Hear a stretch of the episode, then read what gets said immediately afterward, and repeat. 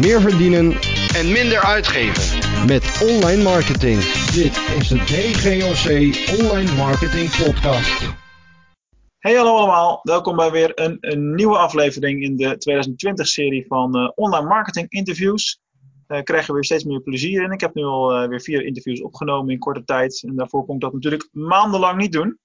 Mijn volgende gast is iemand die ook, eh, net zoals Matthijs Kok uit de vorige aflevering, op mijn tijdlijn is verschenen ineens.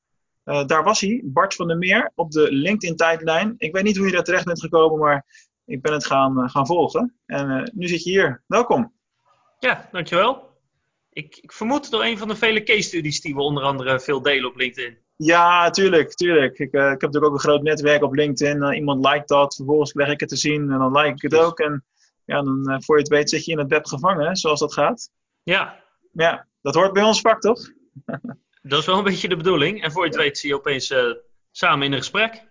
Zo gaat dat. Ja. Hey Bart, jij bent lekker gas gaan geven op, eh, op content. Eh, je pu- publiceert onwijs veel video's. Voordat we daarover gaan, gaan praten, laten we eerst even bij het begin beginnen. Wie is Bart van der Meer? Wat doe je allemaal? Wat houdt je zo bezig de hele dag? Oké, ik ben Bart van der Meer, eigenaar van Klikproces, een organisch online groeiagency. Ehm, met een mannetje of tien eh, doen we allemaal prachtige dingen, gericht op het eh, organisch laten groeien van onze klanten. En wat mij bezighoudt is zorgen hoe we dat eh, zo snel en goed mogelijk kunnen doen. Ja, ja, ja. En ehm, eh, nou goed, wat mij dus opgevallen is, is, is zijn die video's vooral, hè, die je op LinkedIn deelt. Ik heb één dingetje gelijk al van je overgenomen. Ik zeg altijd beter goed gejat dan slecht verzonnen. Eh, ik heb zelf het idee van, ik wil mijn YouTube-kanaal weer, eh, weer laten groeien, hè, bijvoorbeeld. Nou, dat Mhm. doe jij natuurlijk ook. En eh, wat ik eerst deed, en daar wil ik graag je mening even over horen, is ik publiceerde mijn video op YouTube en ook native op LinkedIn. En dat is echt dat is een duivels dilemma, dat moet je haast wel herkennen. Want aan de ene kant wil je zoveel mogelijk views naar YouTube sturen, want als je dat doet, ook op LinkedIn, dan krijg je daar meer views en dus abonnees, et cetera. Aan de andere kant, ja, video's die je native publiceert op LinkedIn, die krijgen in dat platform zelf natuurlijk veel meer views. En uiteindelijk gaat het om het totaal aantal ogen wat je, wat je krijgt. Wat, wat heeft jou toen besluiten om de focus te hebben op, op YouTube, eh, zeg maar in dat geval? Eh, twee dingen. Eén, YouTube is een zoekmachine. Dus dat zorgt ervoor dat eh, content ja, ook, ook uit zichzelf zeg maar, views kan halen zonder dat ik het hoef te pushen. En daardoor vind ik YouTube belangrijker dan LinkedIn. Mhm. En twee, dat het gewoon extra werk is om dan ook weer op LinkedIn die video's eh, te uploaden en eh, neer te zetten. Ehm, dus LinkedIn is een soort eh, leuke bijvangst van onze content marketing strategie. Maar niet meer dan dat. Dus het heeft gewoon niet de prioriteit. Oké, nou misschien wel iets om een keer in te duiken. Moet ik zelf ook doen overigens hoor. Want bij LinkedIn moet je natuurlijk ook de vraag stellen als daar staat videoweergave, hoe lang dan?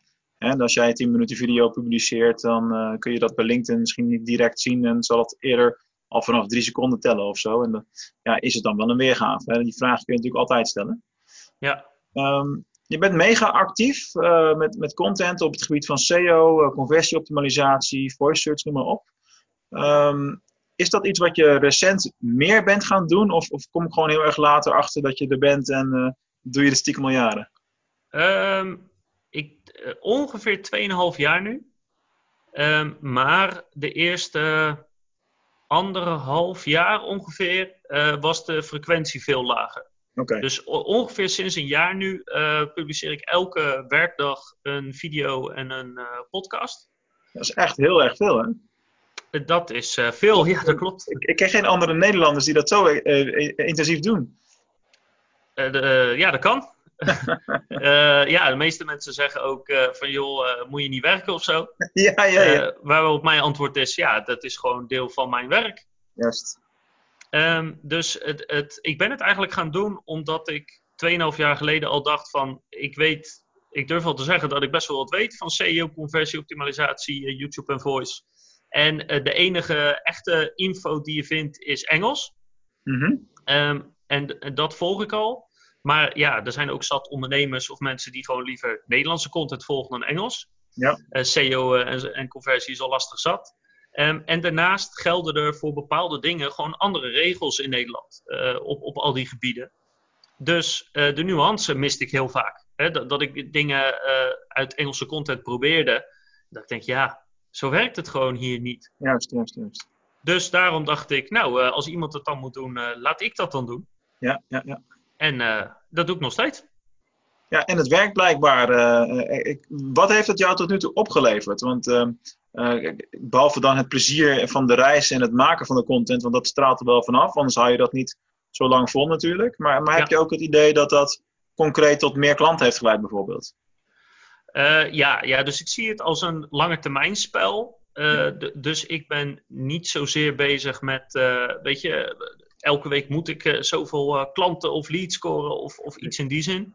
Het gaat mij erom dat ik trendmatig zie dat het aantal aanvragen of connecties eh, toeneemt. Maar dat is niet alleen, zeg maar, eventueel in, in klanten of leads. Maar dat kan bijvoorbeeld ook zijn dat je opeens wordt uitgenodigd om op een congres te komen spreken. Of, of dat, dat ze je mening ergens over vragen. Eh, dus het, is, het gaat erom van, zie je de trend dat je wat autoriteit begint te krijgen eigenlijk eh, binnen de branche. Ja, nou goed, je zit nu ook hier, hè, dus dat eh, is ook Ja, weer een klein Ja, nou ja, het punt bereikt zeg maar. Dus Ja, dit, ja. was mijn laatste week van video's en nu is het klaar. Ja, nee, kijk, ik moet ook kappen nou. Ik heb al iedereen gehad. Eh, je is achter Ja, precies. Nee, ik ben begonnen in 2015 met die podcast al. maar goed, ik heb zelf een geschiedenis in, in audio heel erg veel. Met luisterboeken en dat soort dingen allemaal. Dus eh, dat was voor mij de route. En eh, ik heb video eigenlijk later toegevoegd eh, wat dat betreft. Ja. Ehm, Oké, top. Ehm, laten we even een sprongetje maken naar wat inhoudelijke dingen binnen, binnen SEO. Want ik, ik heb echt wel eventjes gekoud op een, op een vragenlijst. omdat ik het idee had van, ja, ik kan eigenlijk aan Bart wel alles vragen rondom SEO en wat daar omheen speelt. En dat kan een interview van drie uur worden. En dat, dat past niet helemaal in het concept. Als, als je wil wel, maar eh, nee, ja, eh, dat is goed. Ja, dan moet ik ooit beginnen met gasten op herhaling laten komen. Dat heb ik tot nu toe nog steeds voorkomen. eh, ondanks de hoeveelheid mensen al. Maar goed. Ehm eventjes inzoomen op een van de, de grote pilaren binnen, binnen SEO. Hè. Dus ik verdeel SEO zelf altijd in eh, eh, techniek, content en populariteit. Nou, binnen populariteit hebben we het natuurlijk al gauw over linkbuilding. Ja. Waarom is dat nog steeds zo belangrijk? Want je ziet vaak dat er, in mijn optiek, dat er weinig aandacht voor is in de markt. Ehm, ja, eh, linkbuilding heeft, eh, heeft gewoon eh, best wel een behoorlijk stigma. Mensen denken dat als je één foutje maakt, dat, dat je je hele site kan verpesten, zeg maar. Dat is onder andere iets, hè, en dat wordt vaak door mensen die linkbuilding niet doen of toepassen of zo beschreven als iets engs, als het ware. Wat heel jammer is, want linkbuilding is juist hartstikke leuk. Ehm, dus dat is denk ik de reden dat er aan de ene kant in Nederland eh, denk ik relatief weinig kennis is over linkbuilding. En ja, dat er nog eh, weinig partijen zijn die het echt op een professionele manier uitvoeren. Ja. Anders dan eh, een startpagina aanmaken of een linkruil proberen. Ja, dat, dat ook. En, en je ziet ook gewoon wel de paar partijen die het goed doen, die hebben ook goede pakketten. Dus waar wij kopen ook bij verschillende partijen in. Alleen soms kom je er ook gewoon achter dat een partij waar je het inkoopt, eh, het ook zelf weer bij een bronpartij inkoopt. die zijn er ook- Ja, ja dat kan. Ja, eh, als het inderdaad echt over inkopen gaat, dan is het gewoon de vraag van ja, wat, wat is uiteindelijk de website en eh, heeft iemand exclusieve rechten tot die site of, of hoe Ja. doen ze het? dat, ook, ja. ja. Ja, linkbuilding is voor een deel, zeker als het gaat om inkopen, een netwerk hebben. Ja, het ene netwerk is ook het andere niet, hè? Dat, dat blijkt maar weer.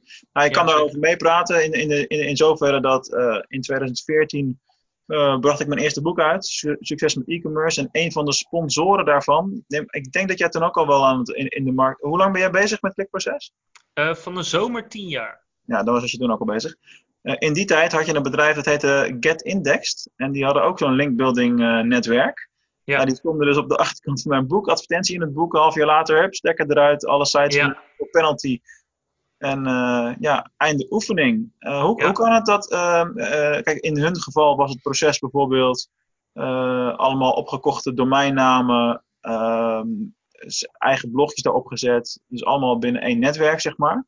Mhm. En uiteindelijk hebben ze een handmatige penalty gekregen op, op het geheel.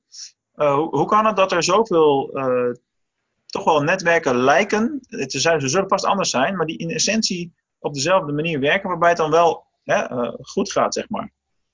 Eh, nee, in Nederland zijn er heel veel hè, van die, van die PBN-netwerken met een mooi woord. Mhm. eh, die precies hetzelfde zijn. Hè? Ze kopen gewoon oude domeinen op eh, en, en trappen ze vol met linken.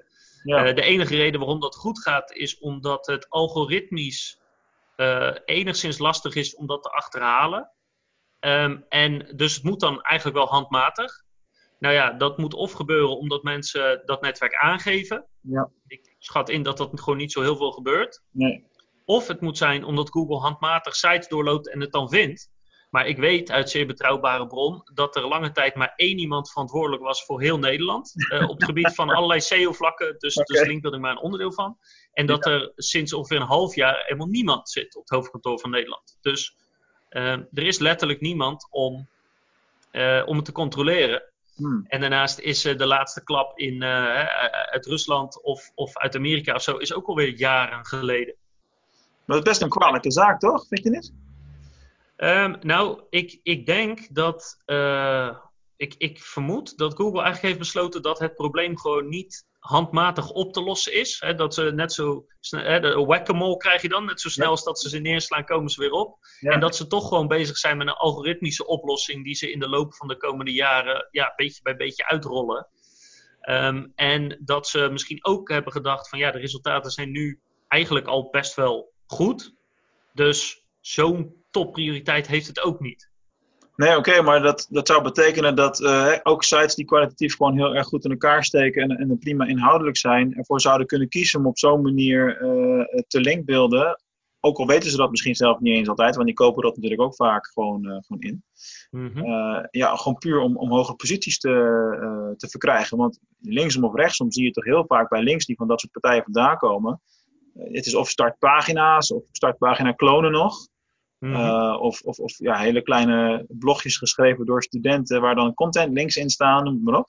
Dat soort mixen zie je vaak, maar dat zijn ook heel vaak nog steeds sites waar gewoon ja, geen menselijk bezoek vandaan komt. Dus het voelt wel heel erg onnatuurlijk nog steeds in mijn optiek.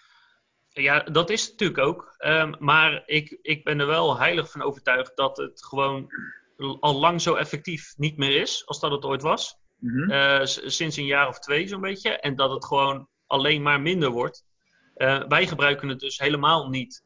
Eh, we, zijn, we zijn er gewoon 100% mee gestopt. Article marketing, PBN's, we doen het gewoon niet. Want niet alleen kunnen we gewoon door echte linkbeelden ja, voor, voor hetzelfde geld of, of iets minder veel betere resultaten krijgen. Ehm, en daarnaast zijn het resultaten die blijven of, of krachtiger worden ten opzichte van eh, het risico lopen dat het devalueert. Ik bedoel, een, een PBN-link is nu op het meest krachtigst dat die ooit gaat worden. Volgend jaar is die echt niet beter. Dus ehm, ja, we, we doen het gewoon niet meer. En elke markt die we tot nu toe hebben betreden, en we zijn in, ja, we gaan echt richting de 300 markten waarin we hebben gewerkt, hebben we altijd eh, PBN-netwerken verslagen eh, door eh, ja, echte linken. Ja. Met als uitzondering daarvan de, de echte spam niches. Dus gokken, pillen en porno. D- dat is daar wel een uitzondering op. Ja, oké, dat, is een, eh, dat is weer een hele categorie apart natuurlijk. Ja, Hey, Even voor de mensen die kijken of luisteren, ehm, want de meeste vaktermen heb ik al wel in mijn content uitgelegd, maar PBN, waar staat het voor? Ehm, ja, PBN staat voor Private Blog Network. En dat is in feite wat je net noemde. Dus dat zijn zij- eh, partijen die kopen eh, oude domeinen op. Dus ik heb bijvoorbeeld een. ik ben een fysiotherapeut hier in Bodegraven, maar ik stop ermee. Dus mijn eh Bart's eh, fysiozaak.nl, die, eh, ja, die verloopt dan. En die, die, die gooi ik weg. Dan kopen zij die. Ehm, en dan maken ze daar een nieuwe site van die niks te maken heeft met fysio. Ehm, en daarop ja, plaatsen ze dan linken naar andere sites, omdat mijn oude site nog een beetje waarde heeft. Of Ja. misschien wel heel veel waarde heeft zelfs. Ehm, en ja, als je daar heel veel, heel veel van zulke sites hebt, en de meeste grote partijen die, die kunnen er wel duizenden kunnen die er wel hebben, Mhm. dan noem je dat bij elkaar een PBN-netwerk. Dus Ja. één partij die heel veel sites onderhoudt. Maar al die sites krijgen dus geen verkeer en worden puur gebruikt om, eh, om Google proberen te manipuleren. Ja, precies. Ja, daar zit ook gelijk het hele euvel. Ehm, Oké, we, nou, eh, we weten nu hoe het niet moet. Hè. De, de meeste luisteraars zijn zeg maar MKB-ondernemers. Die denken nu natuurlijk, ja oké, leuk Bart, maar hoe moet het dan wel? Want jij zegt, wij doen het niet meer op die manier. Maar hoe doe je dat wel? Ehm, de, de- ja, we hebben eh, een document ook staan, die, die kan je online ook vinden, met meer dan 100 verschillende tactieken om te linkbeelden. Dus, dus er is niet één antwoord specifiek op. Maar ehm, dus de, grofweg kan je zeggen dat we eh, of proberen echt gewoon PR te krijgen. Dus of je nou een, eh, eh, een lokale kapper bent of een internationale eh, camera eh, webshop, zeg maar. Dat Mhm. maakt niet uit. We proberen gewoon aandacht voor jouw eh, site te krijgen, maar dan niet met als doel om daadwerkelijk aandacht te krijgen, maar vooral met als doel om backlinks te krijgen. Eh, dat kan één kant zijn, dus dat is eigenlijk een, een soort traditionele PR, maar dan wel volgens een proces gericht op die backlinks. Inderdaad. Ehm, of het kan op andere manieren door, door wel ze gewoon bijvoorbeeld in te kopen of door dingen te sponsoren, maar dan op echte websites. Dus sites die echt verkeer aantrekken, waar een iemand achter zit die ook kan bellen als het moet. Ehm, dus je gaat veel meer richting de linken die je ook zou willen als Google er niet zou zijn. Ja, ja, ja. Ja, dat is eigenlijk alleen maar beter, toch? Eh, dat, is, dat hoop ik, want anders hebben wij een probleem over een paar jaar. Nee joh, dan verandert het spel gewoon. Dat is toch altijd zo in ons vak? ja. er is altijd wel wat. Maar gastblog is dan is natuurlijk ook een interessante. Hè? Dat is natuurlijk Ja. iets wat heel veel gebeurt. Eh, wij laten op onze website ook wel eens gastblogs eh, toe. Ik schrijf zelf wel eens blogs eh, hier en daar. Maar daar is wat mee aan de hand. Kun je daar wat over vertellen? Ehm, nou, er is wel en niet wat mee aan de hand. Een aantal jaar geleden heeft Google al gezegd dat gastbloggen in principe niet mag, want geen enkele vorm van linkbuilding mag. En een link in je, in je author bio, wat je vaak onderaan zo'n zo'n gastblog hebt, staat je foto en een stukje over wie Ja, je bent, dat dat eh, ook niet meer zo zwaar meeweegt. En eh, een aantal, ik denk een maand of twee, drie geleden, Ehm, was er iemand die in een grote Facebookgroep opeens zei dat hij een handmatige penalty had gehad vanwege gastbloggen. En een grote nieuwssite had dat overgenomen. Ah, Maar dat is echt clickbait onzin. oké. Want degene die dat originele bericht plaatste, die wil zijn website helemaal niet vrijgeven. Dus niemand kan verifiëren. En Ah, het, ja. was, het was iemand uit India, dus dat maakt me nog een stuk sceptischer. Hm. Staat er leuk Ehm, dat journalisten hun werk goed doen, hè? Ja, en Search Engine Land dacht, nou, eh, dit is, eh, die hebben dat gepubliceerd. Die dachten, dit is een mooie koptekst. En die hadden dat vervolgens eh, online gezet. Maar ja, dit is echt. Eh, ik ben geen Trump-fan, maar dit was echt fake news eh, als het maar eh, voorbij komt. Ja, heeft Trump die term helemaal geclaimd? Nou ja, volgens mij wel een beetje. Maar nee, dit, dit sloeg echt nergens op. Dus gastbloggen is gewoon echt een fantastische manier om en aandacht te krijgen en backlinks te krijgen. Ja, ik, zou inderdaad, kijk, die backlinks, dat is natuurlijk wel een onderdeel daarvan. Maar ik zou het ook gewoon vooral doen om, om kennis te kunnen delen en eyeballs te krijgen, inderdaad. En de echte Ja. klikken moeten daar ook uit gaan, gaan komen. Ja, Mooi. en als je het slim doet, eh, en zeker als het op een beetje krachtige site komt en je zoekt je zoekwoord even goed uit, dan krijg je daadwerkelijk verkeer elke maand naar jouw artikel. Ja, En dat maakt het alleen maar waardevoller. zo is dat. Hey, eh, linkbuilding hebben we wat mij betreft wel even afgetikt. Want anders hebben we het alleen maar daar, daarover vandaag. Ehm, ik, ik ben zelf wel een groot fan van voice search. Daar jij je ook mee, mee bezig. Ik heb al drie jaar zo'n Amazon Echo kastje staan. Op kantoor, thuis Google Home. Mijn gevoel is dat het een beetje eh, te stil is rondom voice search. Hoe zie jij dat? Eh, hoe zie jij de ontwikkelingen daar? Ik, mijn gevoel is langzamer dan ik had gedacht in het begin. Ehm, nee, het, eh, ik heb begin dit jaar of eind vorig jaar daar een voorspelling over gedaan. Oké? En tot nu toe zit ik nog goed op pad. Nee, je hebt, ehm, ehm, je hebt zeg maar de Hype Cycle of Technology. Dat is een, een, een bestaand model. En die zegt eigenlijk dat als de techniek helemaal nieuw is, dan krijg je op een gegeven moment zo'n hype. Nou, dat hadden we wat mij betreft vorig jaar. Mhm. Dat eh, er is iets nieuws en dat gaat de wereld veranderen. En eh, mensen denken daar altijd dat het op korte termijn echt eh, het wordt. Ja. Nou, dat blijkt dan vaak wat tegen te vallen. En wat moeilijker te gaan. En toch niet helemaal zo perfect te zijn. En dan, ja, dan zakt eigenlijk van de enthousiastelingen zakt, heel vaak de energie weg. Alleen de, de bedrijven die daar in de kern mee bezig zijn, dus Google, Amazon, die blijven gewoon doorploegen en doorploegen. En dan opeens, eh, en, en ik voorspel dus dat dat waarschijnlijk eh, ergens in 2021 gebeurt, dan blijkt die techniek weer een heel stuk beter te zijn. En dan komen mensen het opnieuw tegen en denken ze: hé, hey, ja, nu, nu begint het eigenlijk best wel echt wat te worden. Mhm. En vanaf dat moment begint het pas de echte eh, tractie te krijgen. En, en de, ja, beginnen zowel consumenten als bedrijven er echt wat mee te kunnen. Ja, ja, dit is natuurlijk een proces wat we heel vaak eh, zien en doorlopen. Hè. Kijk maar eens naar welke ondernemers in eh, eind jaren negentig zeiden: joh, dat internet is maar een hoax. Het gaat wel weer Ja. weg.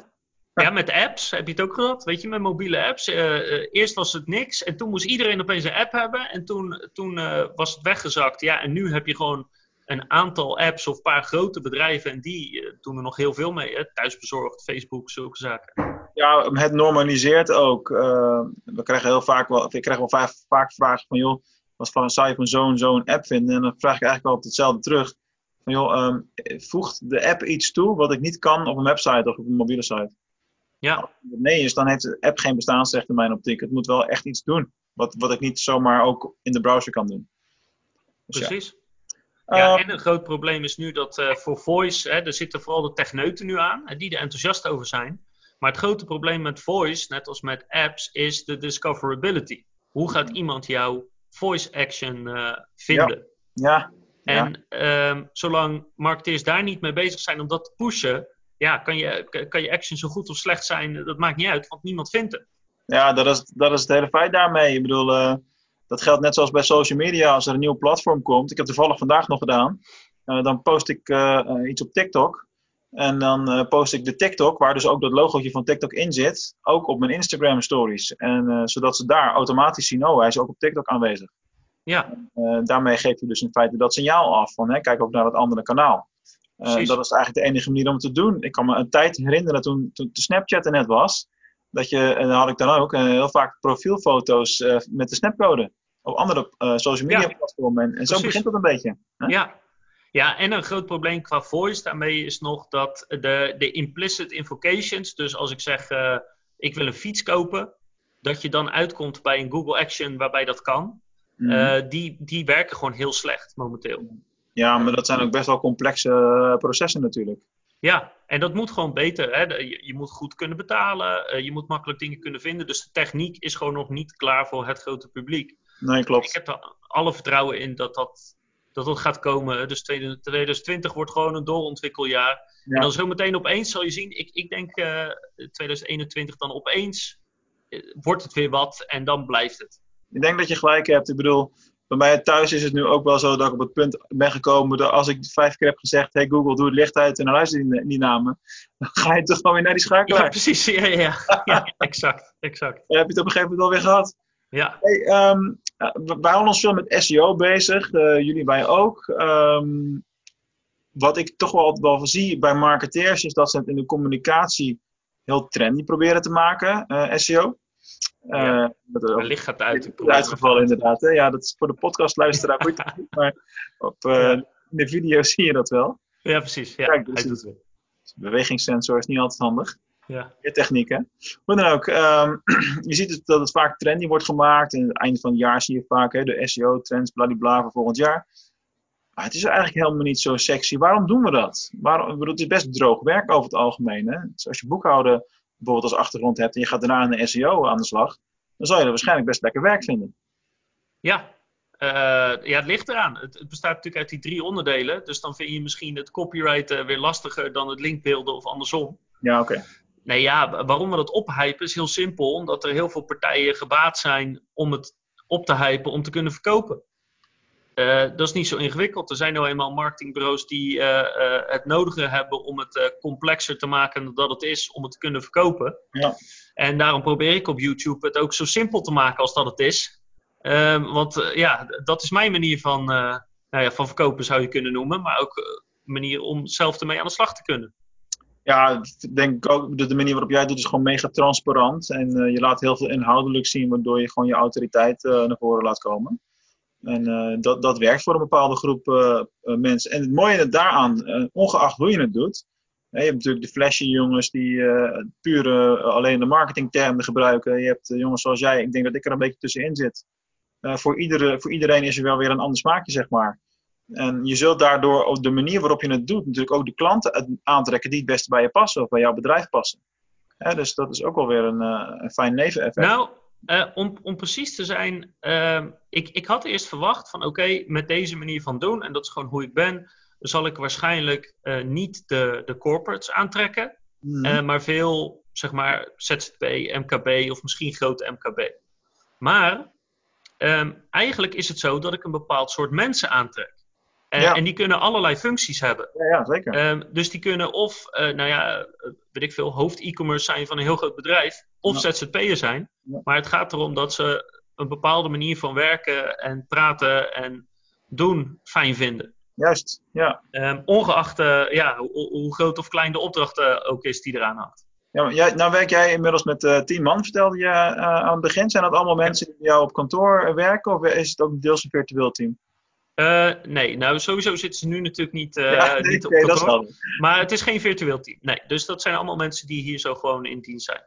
En heb je dan ook, als jij zeg maar het gezicht bent van, van klikproces, en alle content komt van jou. Willen, willen klanten dan ook, als het even kan, graag met jou werken? Of wordt het heel snel geaccepteerd? Nou ja, je, je krijgt, ik veel, Henk als projectmanager.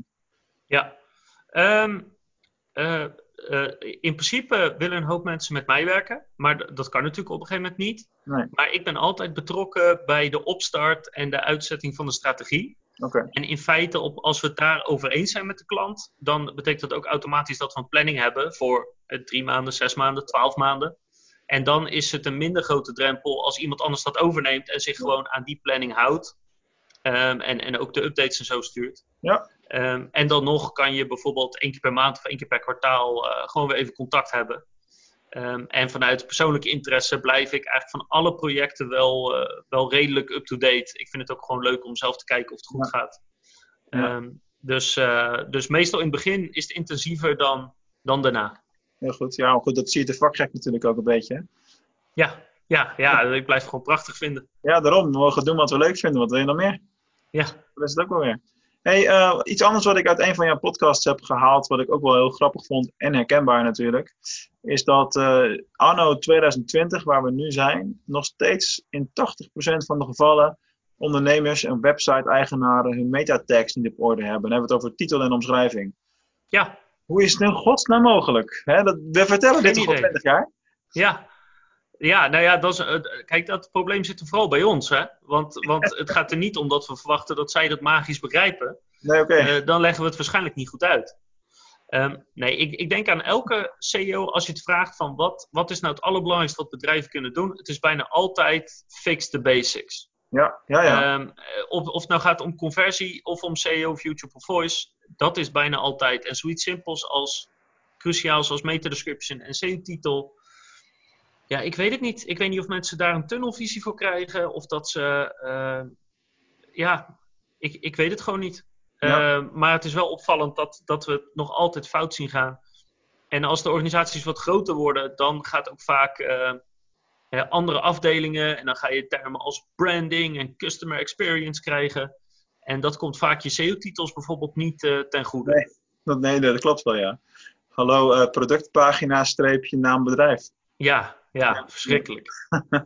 ja, en het kost je gewoon geld. Ja, nee, ja. Dat zeker. is het ergste. Ja, hoe ik het altijd uitleg uh, aan iedereen is van uh, behandel je SEO-titel en omschrijving alsof je een Google-ad aan het maken bent. Want daar denk je ook ja. na over elk woord. Ja, exact, 100%. Hey, en um, uh, bijvoorbeeld Joost, hè, WordPress-websites, werk je ook veel mee. waar ik me ook over verbaas. Hoe kan het nou dat, dat hun stoplichtsysteem eigenlijk niet werkt? En dat, dat zij te veel karakters toelaten in hun meta-omschrijvingveld? Of op zijn Ja. minst default aangeven dit is het maximum aantal karakters voor mobiel. Want dan moeten mensen alsnog zelf gaan zitten tellen. Dat is natuurlijk helemaal niet wenselijk. Omdat uh, ja, Joost gewoon uh, vroeger een heel goed systeem was en nu niet meer. nee, ja, uh, ik, ik, ik, ik heb... Bart is niet bang om de grote jongens bij naam te noemen. Nee, nou ja, ik, ik zeg het gewoon hoe ik vind dat het is. Uh, ik heb er ook een, een vraag over gekregen via de mail van iemand. Dus ik, ik ga daar echt specifiek een video over maken van wat er dan niet klopt. Maar dus bijvoorbeeld inderdaad SEO-titellengtes, meta-descriptielengte, maar überhaupt al die groene bolletjes. Uh, werkt gewoon niet. Uh, slaat gewoon nergens op. Het is leuk als je begint. En dan helpt het je om een beetje idee te krijgen van wat je nodig hebt. Ja. Maar ja, als je gewoon een stap verder wil, dan moet je daar gewoon niet naar kijken. Want het is een ze proberen iets te automatiseren wat gewoon veel complexer is dan dat ze doen dat het is. Ja, maar, maar als we eventjes inzoomen op dat veld meta description, dan zouden ze toch gewoon het aantal tekens wat ze maximaal accepteren kunnen Ja. aanpassen. Dat is niet altijd moeilijk. Ja, als, om precies te zijn zouden ze het gewoon via pixels zouden ze het gewoon moeten meten. Klaar. En dan zouden ze gewoon moeten zeggen eh, eh, ja of nee, of inderdaad onderscheid tussen mobiel en, en desktop. Kan dat Ja. nog? Want ik weet dat er een, eh, vol- volgens mij is het al twee jaar geleden, dat je op een gegeven moment in Google op desktop ineens veel langere omschrijvingen zag staan. En, uh, Ja. dat, Ja, 320 is uh, MetaScripts een tijdje geweest. Ja. ja, ja, dat, dat heeft natuurlijk niet doorgezet uiteindelijk. Nee. Maar het verschil tussen desktop en mobiel is er nog steeds wel. ja, zeker. Zeker weten. 10, 10 karakters uh, scheelt het ongeveer. Ja, Um, en dat is, dat is nogal uh, belangrijk dat dat klopt. Dus dat, dat is een, ja, een, uh, een voorbeeld van dat ja, Joost gewoon niet meer zo state of the art is als dat het was. En, en waarom niet? Ja, ik weet het niet. Ik, ik denk dat ze, ja, geen idee, uh, andere manieren geld zijn gaan verdienen of zo. Ik weet het gewoon niet. ja, alles wat we daarover zeggen is speculatie. Dus uh, laten Ja, we... geen idee. komt Joost misschien nog wel langs. Dat is ook gewoon een Nederlandse jongen. Ja, ja, ja, ja zeker. Het is wel vaker zo dat mensen die in het uh, Amerikaans-Engels aan het vermarkten zijn, dat die stiekem gewoon Nederlander blijken te zijn. Ja, ja. En dan later achter. Zo heb ik ook jarenlang de content van Wilco de Krijg gevolgd. In het Engels. Oké. En blijkt ook gewoon in de meer te wonen. Ja, ja, ja, ja. ja. Klopt, ja. Heb ik ook geïnterviewd en dan uh, krijg je in één keer allemaal. Het is net zo snel als hij normaal praat, maar dan in het Nederlands. Dan denk je, wow, wacht even, Nederlands. Heel raar. Ja. Hey, uh, in datzelfde uh, kader uh, van tools die wel of niet meer werken, had ik van de week een hele interessante discussie met iemand die volledig gespecialiseerd is in websitesnelheid en daar ook zijn hostingbedrijf op heeft gebaseerd. Uh, kleine plug voor Jan Willem Hemel Hemelaar van Tyvas Web Consulting, hij doet het altijd uitstekend. Um, ik had een klant die maakte zich zorgen over zijn websitesnelheid, want hij had een hele slechte score in Google PageSpeed Insights. Ja. En toen heb ik dat, die vraag voorgelegd aan uh, Jean-Paul. En die zei ook van, joh, die tool is zo brak als een, zo lekker als een mandje. En je moet dat en dat gaan gebruiken. Uh, dit slaat nergens op. Maar hoe leg je dat in godsnaam aan, aan, aan eindklanten uit? Want ja, de Google tools wat toch wel betrouwbaar zijn voor hoe goed jij scoort in Google is natuurlijk vaak de gedachtegang. Ja, ja, en dat is, uh, dat is vaak een probleem. En het is nog, nog uh, erger zelfs, want dan heb je weer marketingbedrijven die denken, nou, ik weet niet zoveel van SEO, maar uitleggen dat een Google tool een bepaalde score geeft, dat kan ik wel. Ja. En die misbruiken dat om uh, te valideren of zij goed bezig zijn of niet. Ja, inderdaad. Dus um, ja, ook dat, kijk, het, het, je kan het gebruiken als indicatie, maar uiteindelijk gaat het natuurlijk om, los van wat die tool specifiek toekent als score. Gewoon hoe snel is je laadsnelheid. Ja. En andere tools, waarschijnlijk AT Pingdom tools of GT Metrics of zo genoemd. Die zijn daar gewoon veel beter in, in dat goed meten. Ja. Um, via Google Search Console kan je het natuurlijk nu ook zien. Um, maar ook daarbij geldt, voor al die tools geldt, ja, het is geen zaligmakend iets. Nee, nee, nee. Um, en uh, verhef, net als, die, uh, net als DR of TF met linkbuilding, verhef alsjeblieft niet het middel tot het doel. Nee, inderdaad. Namelijk gewoon zorgen dat hij snel is ten opzichte van een 100-100 score halen. Ja, ja, maar dat is wel inderdaad waar men, dat geldt ook voor Joost. Iedereen wil gewoon groene bolletjes zien. Ja, en dat dan, is iets uh, psychologisch. Ja, hè? Dat, dat, is, echt, dat is gewoon fijn als dat ja. gedaan wordt. Net zoals het, uh, het rode bolletje op de apps op je telefoon van 1 of 10 of whatever. Uh, je moet erop klikken toch, hè? Ja, precies. Dat is toch wat er gebeurt. Nou ja, het, best, het, beste wat je dan kan doen... dan wat websitesnelheid betreft? Uh, ja, al, qua websitesnelheid is het vooral belangrijk dat je niet te erg en traag bent. Um, maar het is niet zo... Het is, ook dat is helemaal gehyped van als je sneller bent, dan scoor je hoger. En dat is gewoon onzin. Uh, dus je moet gewoon niet dat heel erg... om hard op te zeggen, hè Bart? Kun je dat even herhalen? Wat? Hè? Dat is een hele belangrijke wat je nou zegt. Kun je dat even herhalen? Dan moeten we echt bij stilstaan. Wat, uh, wat zei ik? Dat je niet te erg en traag moet zijn? Oh, zo jammer dit. Nee, dat, dat je dat uh, een snelle website niet per se wil zeggen dat je goed gaat scoren. Oh, zo. Ja, ja. Nee. Sorry, dan had ik de verkeerde zin. Maar inderdaad. En weet je, het is een ranking factor, maar het is een hele kleine. Um, Uh, er zijn al inmiddels natuurlijk al zat sites die laden gewoon prima, weet je, 1 seconde, misschien 2 seconden. Dus daarbinnen uh, ga je het op een gegeven moment niet meer. Uh, dat is, je moet het wel een soort een beetje afvinken. Maar ja. of je dan van anderhalve seconde naar 1 seconde laadtijd gaat of van 1 naar 0,5, dat doet op een gegeven moment niks meer. Dus je moet dan gewoon naar andere dingen overstappen. Maar dat is natuurlijk wel het ding, hè? Want een, een tool van Google die niet zo goed is als tools van andere partijen. Je kunt bijna niet uitleggen aan niet-online marketeers uh, uh, dat je de, Google, de, tool van Google links moet laten liggen. Want ja, waarom zou Google niet zijn eigen data gebruiken? Dat is natuurlijk heel erg niet makkelijk uit te leggen. Uh, nee, maar dat, ik denk dat daar gewoon de algemene opvoeding bij komt van tools en hulpmiddelen. Ja. Ehm, o- we hebben natuurlijk bij SEO helemaal gebruiken we natuurlijk heel veel tools voor alle Ja. verschillende, voor techniek, voor content, voor alles gebruiken we tools. Maar alles is een richtlijn en gewoon gezond verstand eh, helpt daar toch wel heel erg bij. ja, toch? Eh, want als je content gaat schrijven, heb je los van Joost natuurlijk ook nog heel veel van die on-page tools die je zou kunnen gebruiken. Die het ook weer niet met, eens zijn met elkaar. Ja. Ehm, dus daarvoor geldt ook, ja, je kan het gebruiken als richtlijn. Maar je moet wel vooral nadenken van, klopt dit als ik het zo zie of lees of bekijk? Dat vind ik ook wel gelijk een hele mooie titel voor deze, voor deze aflevering. Gebruik gezond verstand bij je SEO. Nou Optimalisatie. ja, en, en verhef je tools niet tot een doel, maar gebruik het als middel. Precies. Ja, Goed. Hey Bart, eh, we zijn al door de tijd heen, want zo snel gaat dat hier. oké. Dat krijg je als je over dingen praat die je leuk vindt. ja. Eh, ik heb een vaste vraag die ik altijd aan mijn gasten stel. En eh, dat is de volgende. Wat zou je doen met duizend pingpongballen?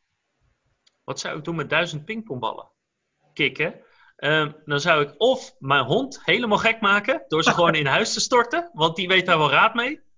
Eh, of ik zou ze denk ik eh, bij een collega op zijn bureau plakken en op zijn stoel plakken. Oh, dat zijn wel gelijk de, de voorbeelden waar je anderen gek mee maakt, zeg maar. Ja, precies. Schitterend, hartstikke mooi. Ja. Hey, eh, heb jij nog iets wat je zou willen, willen delen, willen toevoegen? Waar kunnen we jou vinden voor al die mooie content bijvoorbeeld? Eh, ja, eh, eh, als je klikproces ergens intikt, of het nou LinkedIn is, of YouTube, of, of, of op Google, dan vind je ons wel.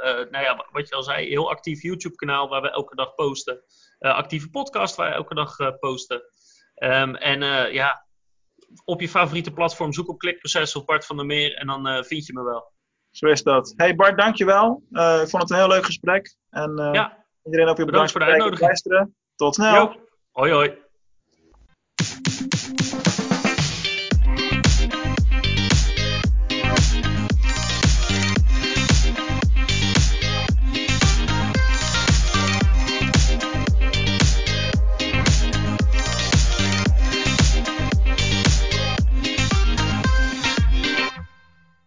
Jij ook zo blij met alle online marketing content die we weer aan het maken zijn voor de Online Marketing Podcast? En wil je dat ik daar nog heel lang mee doorga? Nou, dan kun je mij echt onwijs veel helpen door een review te schrijven voor deze podcast. Er zijn al een aantal mensen die dat gedaan hebben de afgelopen tijd. En ik zou onwijs dankbaar zijn als jij dat ook wilt doen. Nou, werk je met Apple Podcasts, luister je via die app, dan is het makkelijk. Ga dan naar schrijf een recensie bij de podcast zelf.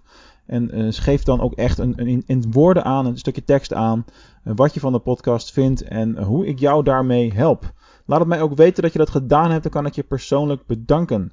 Voor andere podcast-apps werkt het weer anders. Een aantal hebben helemaal niks. Luister je bijvoorbeeld via Spotify, wat steeds populairder aan het worden is. Dan is er nog geen optie, maar verspreid dan vooral het woord en deel de podcast met je collega's, met je vrienden en iedereen die verder met online marketing bezig is. Dankjewel en tot de volgende uitzending.